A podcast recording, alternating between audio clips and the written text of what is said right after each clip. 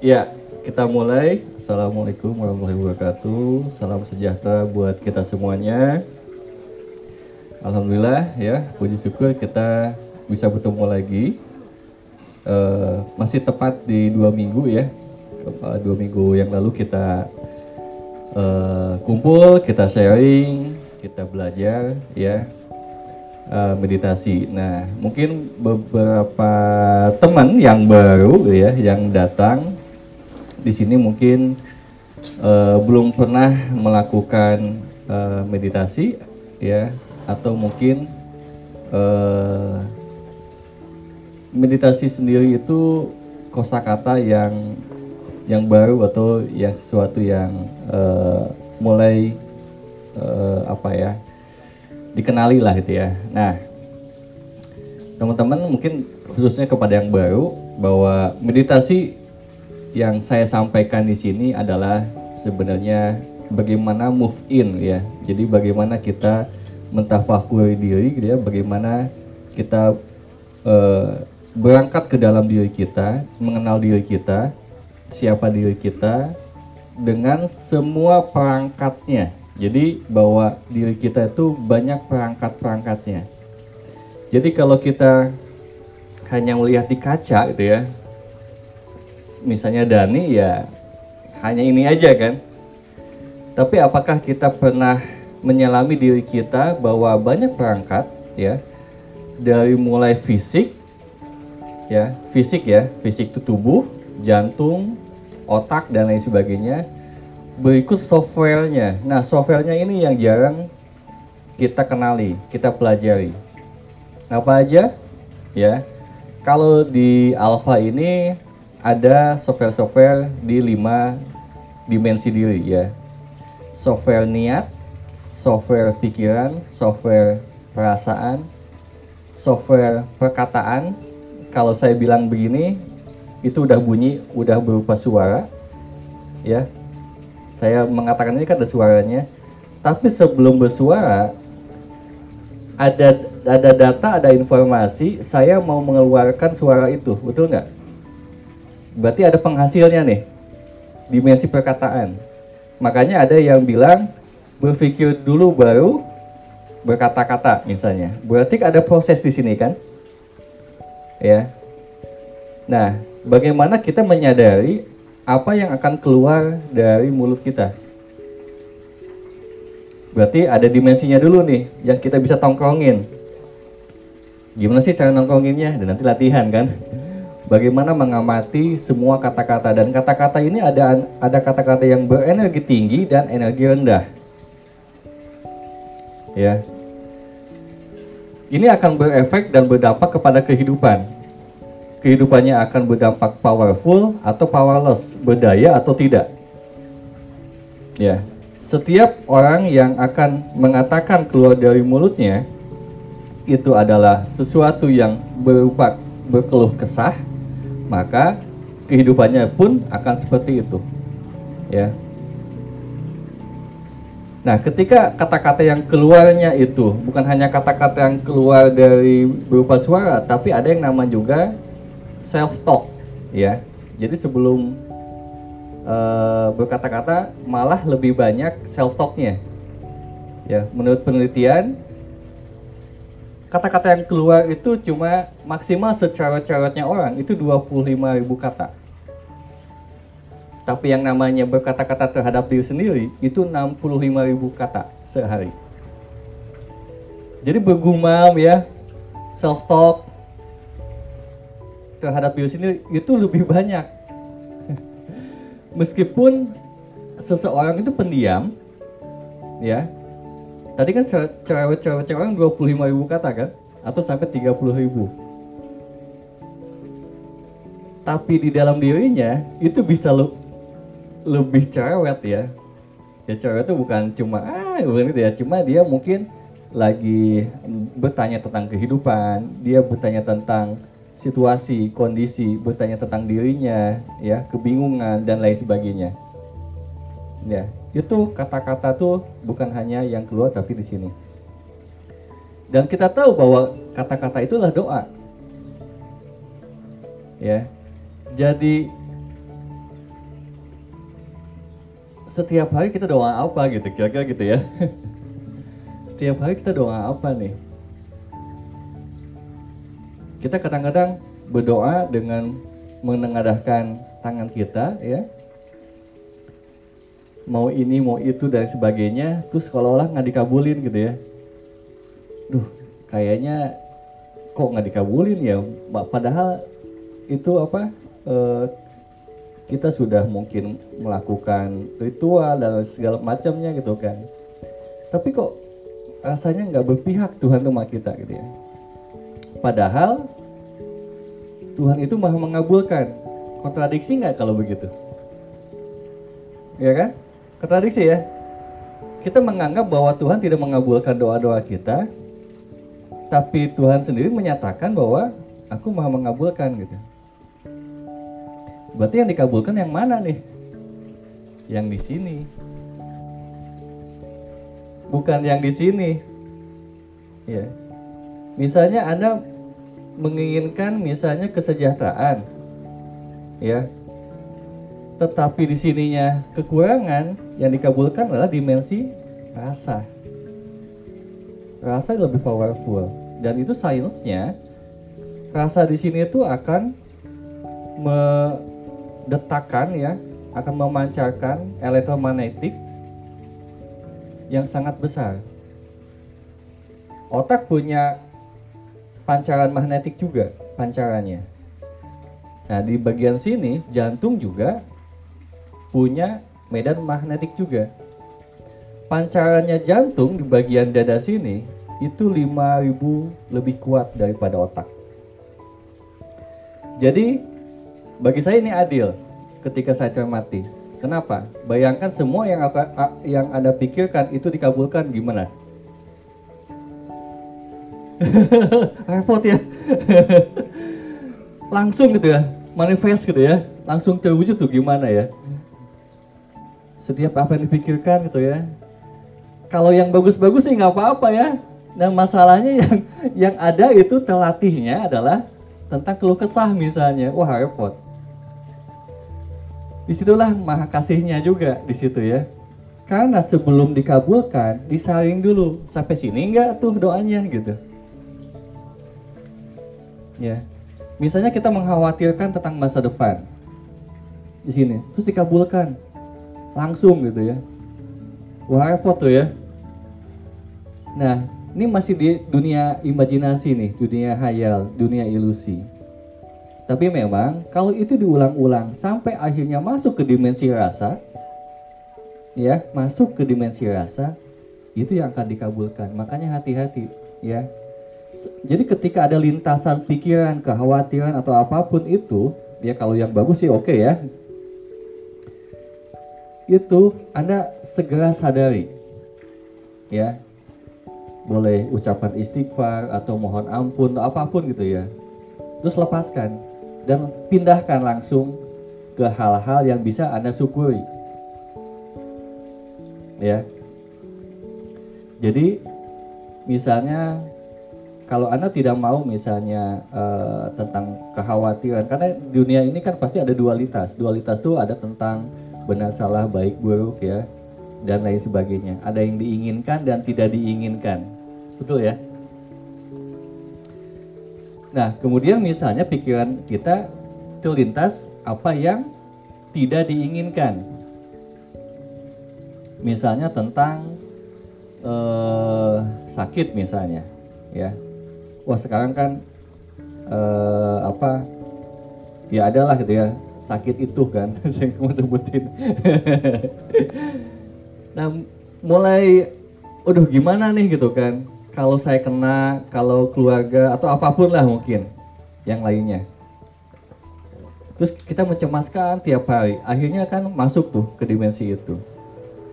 Nah bagaimana menghilangkan pikiran ini?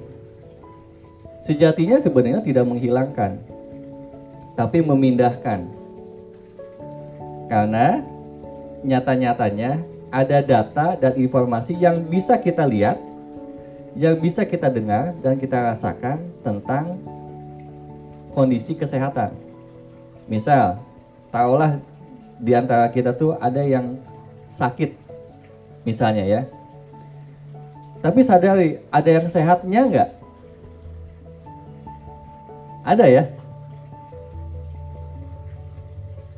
Meskipun ada seseorang yang cancer sekalipun, ya, ada yang sehatnya juga.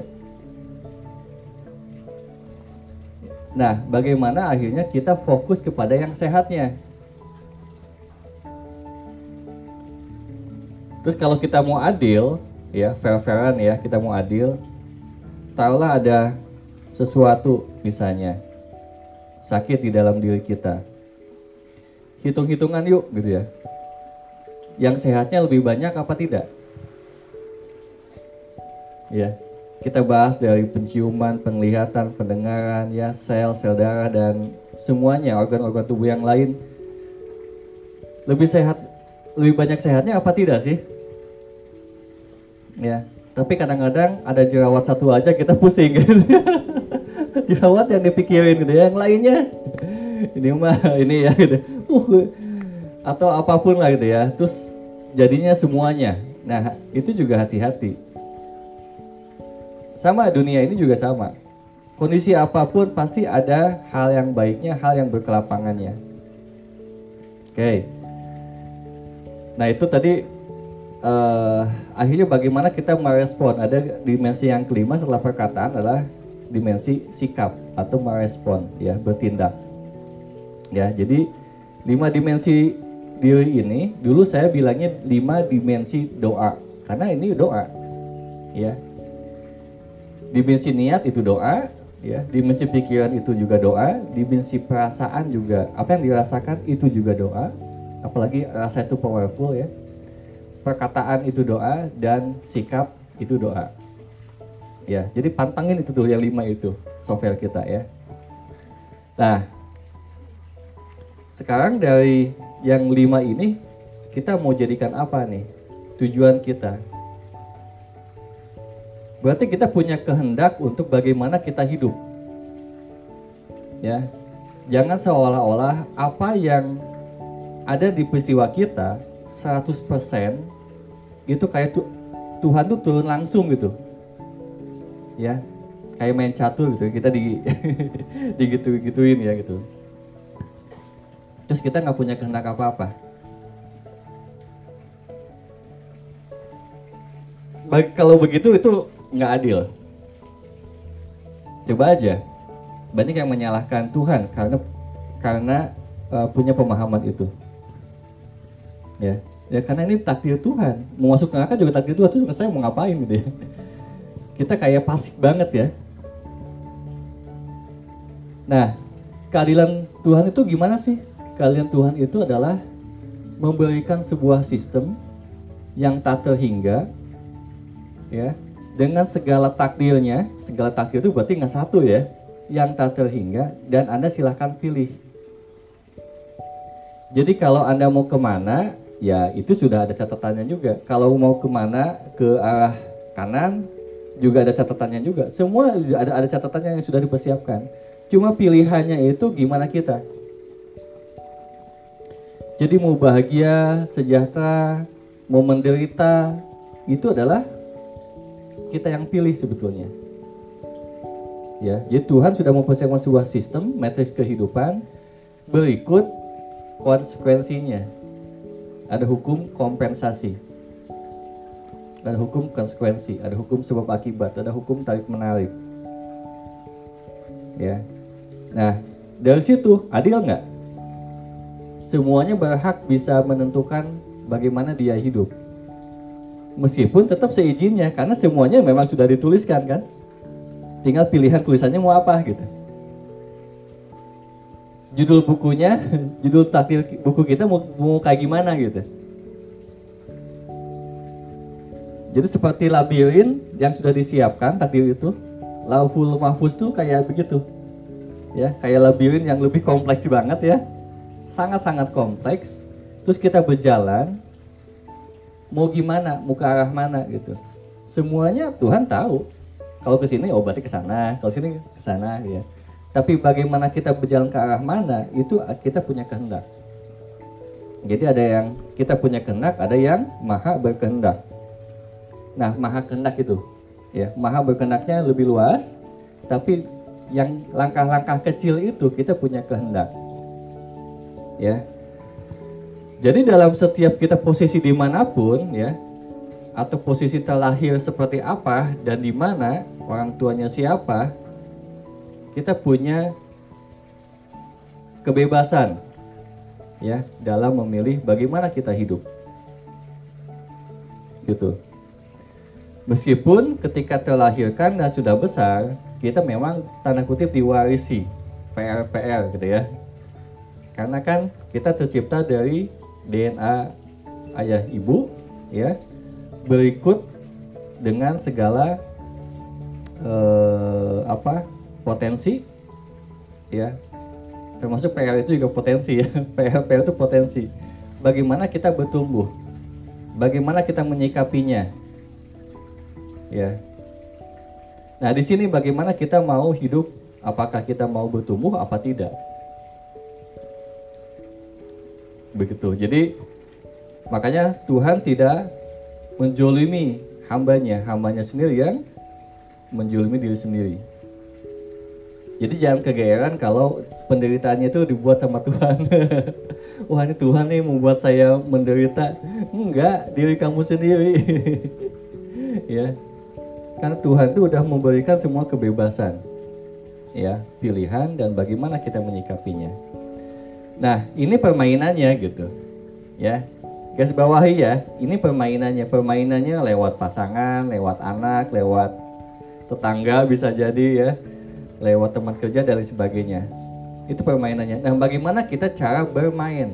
How to play gitu ya. Yeah,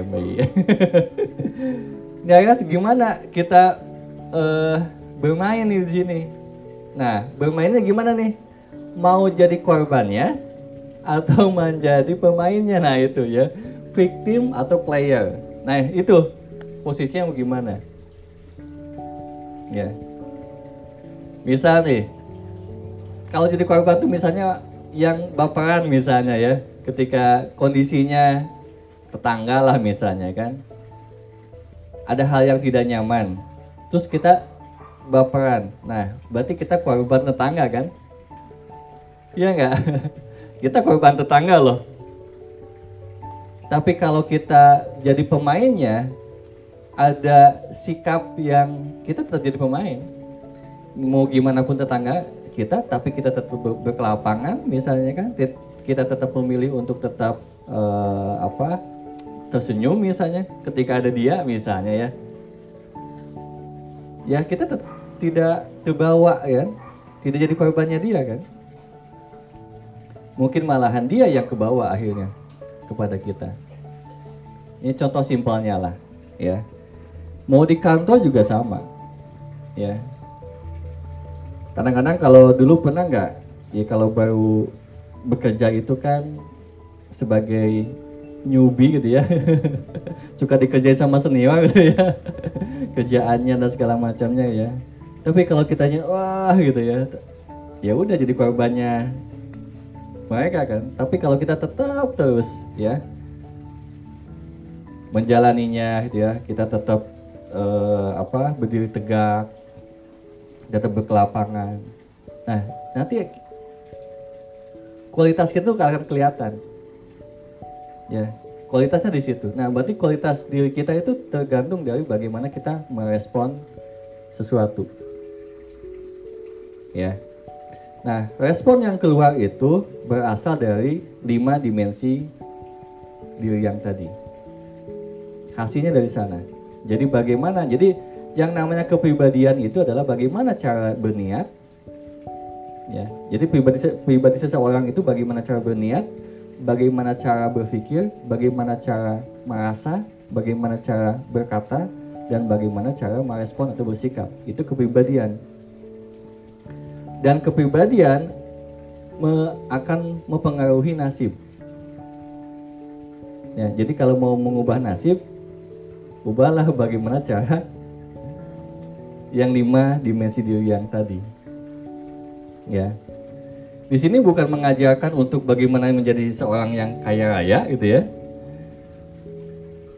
Karena kan identiknya kayak nasib tuh harta melulu gitu ya.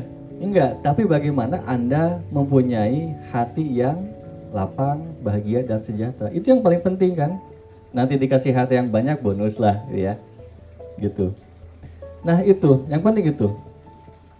Karena ketika Anda punya apa pun itu, ketika hatinya ya pada eh, pada saat ini itu bahagia, berkelapangan, bayangkan Anda dengan pasangan kayak gimana? Bagaimana dengan anak-anak Anda? Bagaimana dengan sekelilingnya. Bukankah itu yang diidamkan, kedamaian yang seperti itu? Ya, tidak apa ya, ti, mukanya tidak defensif gitu ya. Enggak enggak di kalau teman-teman di jalanan nih lihat muka-muka yang sedang berangkat pagi-pagi pada tegang ya enggak muka-muka defensif gitu ya? Gitu. Nggak mau keduluan dan lain sebagainya. Itu muka-muka defensif itu. Dan dia sedang insecure. Masa tidak aman. Dan itu habit. Ya habit. Nah padahal dia bekerja dan lain sebagainya untuk apa? Untuk bahagia. Tapi dia berangkat kerja udah nggak bahagia gitu. Makanya bekerja dulu, ya mendapatkan sesuatu terus bahagia atau bahagia dulu, kemudian bekerja sehingga ketika mendapatkan sesuatu juga lebih bahagia lagi gitu, bisa mensyukuri hal itu. Jadi fitrahnya fondasi ini jangan dihilangkan gitu.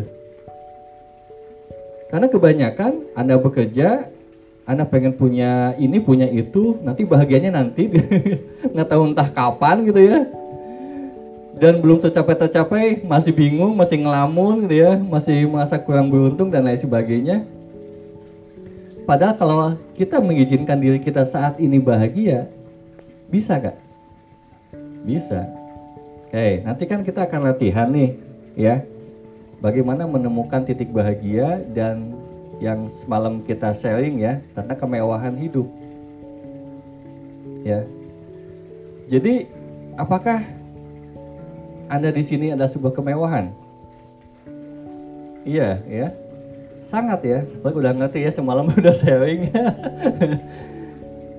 Sangat mewah sekali. Ya. Jangankan kita me, apa membahas alam ini gitu ya, tempat ini yang luar biasa. Ketika tadi kita merasakan nasi kuning saja bisa merasakan enaknya nasi kuning, itu sebuah kemewahan. Kok bisa sih? Bayangkan ketika kita mengecap itu, banyak sel-sel, banyak uh, hormon yang bekerja, kimia tubuh yang bekerja sehingga Anda bisa menghasilkan atau merasakan indera pengecap itu. Mewah nggak tuh? Mewah. Saking mewahnya gitu ya. Mewah banget. Itu baru satu gitu ya. Bagaimana Anda bisa duduk sekarang bahwa ada susunan tulang belakang, bantalan yang bekerja yang dihidupkan sehingga Anda bisa menikmati itu. Maka dari itu hidup itu mewah. Ya, hidup mewah. Nah sekarang kebanyakan orang untuk mendapatkan hidup mewah itu dicondongkan ke sebuah materi kan. Hidup mewah. Jadi ketika saya lontarkan kata-kata kemewahan, mewah, yang dipikiran Anda apa? Materi ya? Dengan uang segini gitu ya, dengan rumah ini, dengan tabungan sekian ya, dengan tas uh, kalau perempuan apa? Louis Vuitton lah gitu ya, Hermes dan sebagainya, mewah banget ya, dengan bling-blingnya gitu, itu mewah gitu ya. Itu nggak salah ya, silakan Anda menikmati kemewahan itu ya jika memang diberikan kan? Tapi jangan mengharuskan gitu. Kenapa? Karena pada saat ini Anda bisa merasakan kemewahan hidup yang hakiki yang semua orang bisa. Yang kemewahan ini benar-benar diberikan sama Tuhan untuk semua tanpa diskriminatif tanpa kelas-kelasan. Coba Anda merasakan kemewahan ketika bernafas. Mewah nggak tuh? Mungkin jangan sampai Anda merasakan kemewahan itu ketika Anda belum bisa bernafas dulu nanti. Terus akhirnya ketika bernafas, wah ya. Akhirnya bisa bernafas, duh mewah banget. Jangan sampai begitu ya. Sekarang ya. Sekarang Anda bisa merasakan karena ada banyak orang yang seperti itu loh gitu ya. Dengan paru-parunya ya, dengan jaring-jaringan pembuluh darah, pembuluh yang eh, apa pernafasan yang sangat banyak sekali yang menyertai yang di dalamnya itu di paru-parunya dengan semua sistemnya itu disajikan oleh Tuhan kepada Anda untuk bisa merasakan mewah nggak tuh? Mewah ya? Tapi kenapa nggak terpikirnya ya selama ini gitu ya? Karena Anda fokus terlalu keluar diri. Ya, Anda terlalu fokus mencari kehidupan yang diinginkan, yang diimpikan. Yang diimpikan, yang diinginkan pun itu berdasarkan keharusan atau penerimaan kesepakatan orang lain. Hidup sukses itu adalah seperti ini. Terus Anda mengejar kesepakatan orang umum. Ya, supaya dinilai sukses, dinilai bahagia. Ya. Ini nih pandangannya di sini. Ya enggak? Ini ilusinya nih. Nah, nggak salah saya bilang silakan bermimpi seperti ini, tapi jangan kebanyakan mimpi. Ya, sekali-kali bolehlah ya berimajinasi karena kan apa pun kan dari imajinasi dulu ya. Tapi jangan sampai lupa rasa yang sudah ada di sini itu dirasakan. Itu yang lebih dominan. Jangan sampai kayak tadi bekerja tapi rasa syukurnya nggak ada. Jadi berangkatnya itu adalah dorongan dari keharusan. Ya, dari keharusan. Harus mencari nafkah misalnya ya menghidupi dan lain sebagainya. Bukan dari oh ya saya tahu ya saya hidup saya punya potensi saya mensyukurinya. Dengan mensyukurinya saya bekerja saya berkarya dan lain sebagainya. Ah gitu.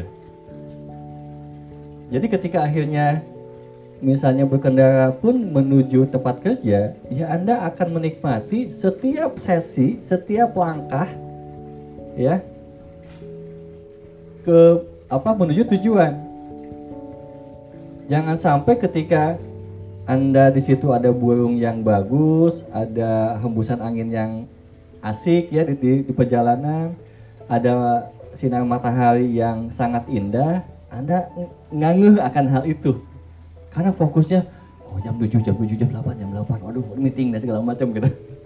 Di sini itu kok tegang gitu ya. Enggak. Anda tidak bisa menikmati kemewahan hidup sepanjang jalan. ya lupa gitu ya nah ini ini sebuah keterampilan ya anda kemarin mungkin main terlalu jauh kita tarik lagi nih sa sa kepada saat ini menjadi diri anda ya yang sudah luar biasa dengan apa pun ke kondisi sang sekarang tapi dengan fondasi bahwa diri anda yang mensyukuri bahwa diri anda yang uh, apa bersatu ya dan merasakan persaksian. Nah, ini sebenarnya persaksian akan sang hidup, merasakan persaksian dengan sang hidup yang menghidupkan diri kita tentunya dengan segala kemewahannya dan manifestasinya. Bagaimana jadinya ketika kita sudah ada manunggal di situ? Apa yang kebayang ketika Anda sudah begitu? Kebayang nggak? Bahagianya nggak nanti lagi gitu. Ya sekarang bahagianya. Capek ya bahagianya ka kapan gitu ya. akhirnya bahagia itu tanpa syarat sebetulnya ya bukan bersyarat bahagia kalau ini ini kalau pasangan begini kalau anak-anak begini kalau punya ini punya itu segala macam gitu ya nah di keluarga pun di dalam rumah bayangkan ketika anda sudah memancarkan hal itu saja. Ya. Anda ekspresinya mungkin lebih banyak tersenyum lebih komunikasinya lebih ya asik gitu ya. Itu tujuannya anda ketika sudah dapat ini dan itu dan dan segala macamnya nggak? Kan biasa hayalannya kan aduh keluarganya berseri ceria ya harmonis. Nanti kalau sudah punya rumah punya ini punya itu kan gitu. Lah nanti gitu ya? Kenapa di tarik sekarang sih? Ya yang mudah-mudahan ketika anda sudah menciptakan hal itu ya anda mensyukuri maka anda akan ditambahkan nikmatnya dikasih bonus lah gitu. Kita nggak tahu ya seperti apa. Tapi realistisnya kan itu dulu. Jangan menghayal dulu kan. Ini kan masih dunia hay hayalan nanti kan. Nanti kan gitu. Padahal Anda bisa melakukannya sekarang loh.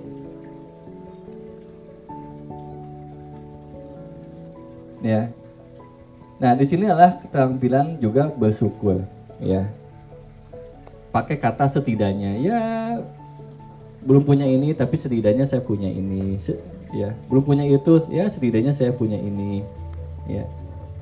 Nah, pakai kata meskipun setidaknya itu uh, dilakukan. Meskipun begini ya saya punya ini punya itu. Ya bisa begini dan bisa begitu. Atau setidaknya saya masih begini dan begitu. Ya Mbak Isti. Boleh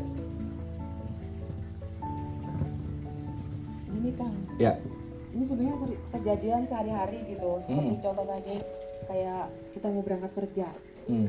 nah mungkin ada aja gitu kan apa kadang-kadang kan kita nggak taunya mepet gitu ya mau kantor terus udah gitu nyampe uh, di jalan ternyata macet sedangkan memang kita itu memang ada sesuatu yang harus dikerjakan ke meeting kayak atau apa pun gitu yeah. kan jadi kan secara uh, ini kan memang tertrigger untuk macet itu jadi kita kan jadi panik dan segala macam gitu kan yeah. jadi untuk bagaimana cara kita menarik teman bahwa kita tuh oh iya aku bahagia kan kayaknya nggak mungkin banget gitu loh ya jadi itu aja udah jadi uh, bad mood banget gitu yeah. terus nyampe akhirnya seharian jadinya kayak gitu gitu yeah. nah bagaimana tuh caranya men-switch nih kang oke okay. gitu, gitu. oke okay, bagus pertanyaannya nah yang membuat kita uh, yang uh, apa nggak mudah men-switchnya ke arah zona kebahagiaan ya zona alfanya itu adalah karena kita masih uh, menganggap bahwa ada sebuah ketakutan lah gitu. Ya, gini. Prosesnya kan nih yang saya pahami nih. Kan ada ketakutan kekhawatiran di sana. Kalau terjadi yang dikhawatirkan tuh nanti gimana? Kan menolak itu, tidak mau itu. Betul ya? Nah, sikap alfa itu tidak begitu. Jadi kalaupun memang toh misalnya di dalam dalam pikiran kalau memang kejadiannya itu seperti itu tetap yakin bahwa semuanya akan baik-baik aja. Nah, ketika mengharuskan ya, mengharuskan nih kejadiannya sesuai dengan apa yang kita pikirkan atau menolak hal itu, itu akhirnya nggak bisa masuk ke zona alfa. Karena yang namanya ketakutan itu mengunci atau mengikat ke sebuah keadaan. Nah, berarti perlu diperluas lagi nih pemahamannya. Ya. Nih hidup nih.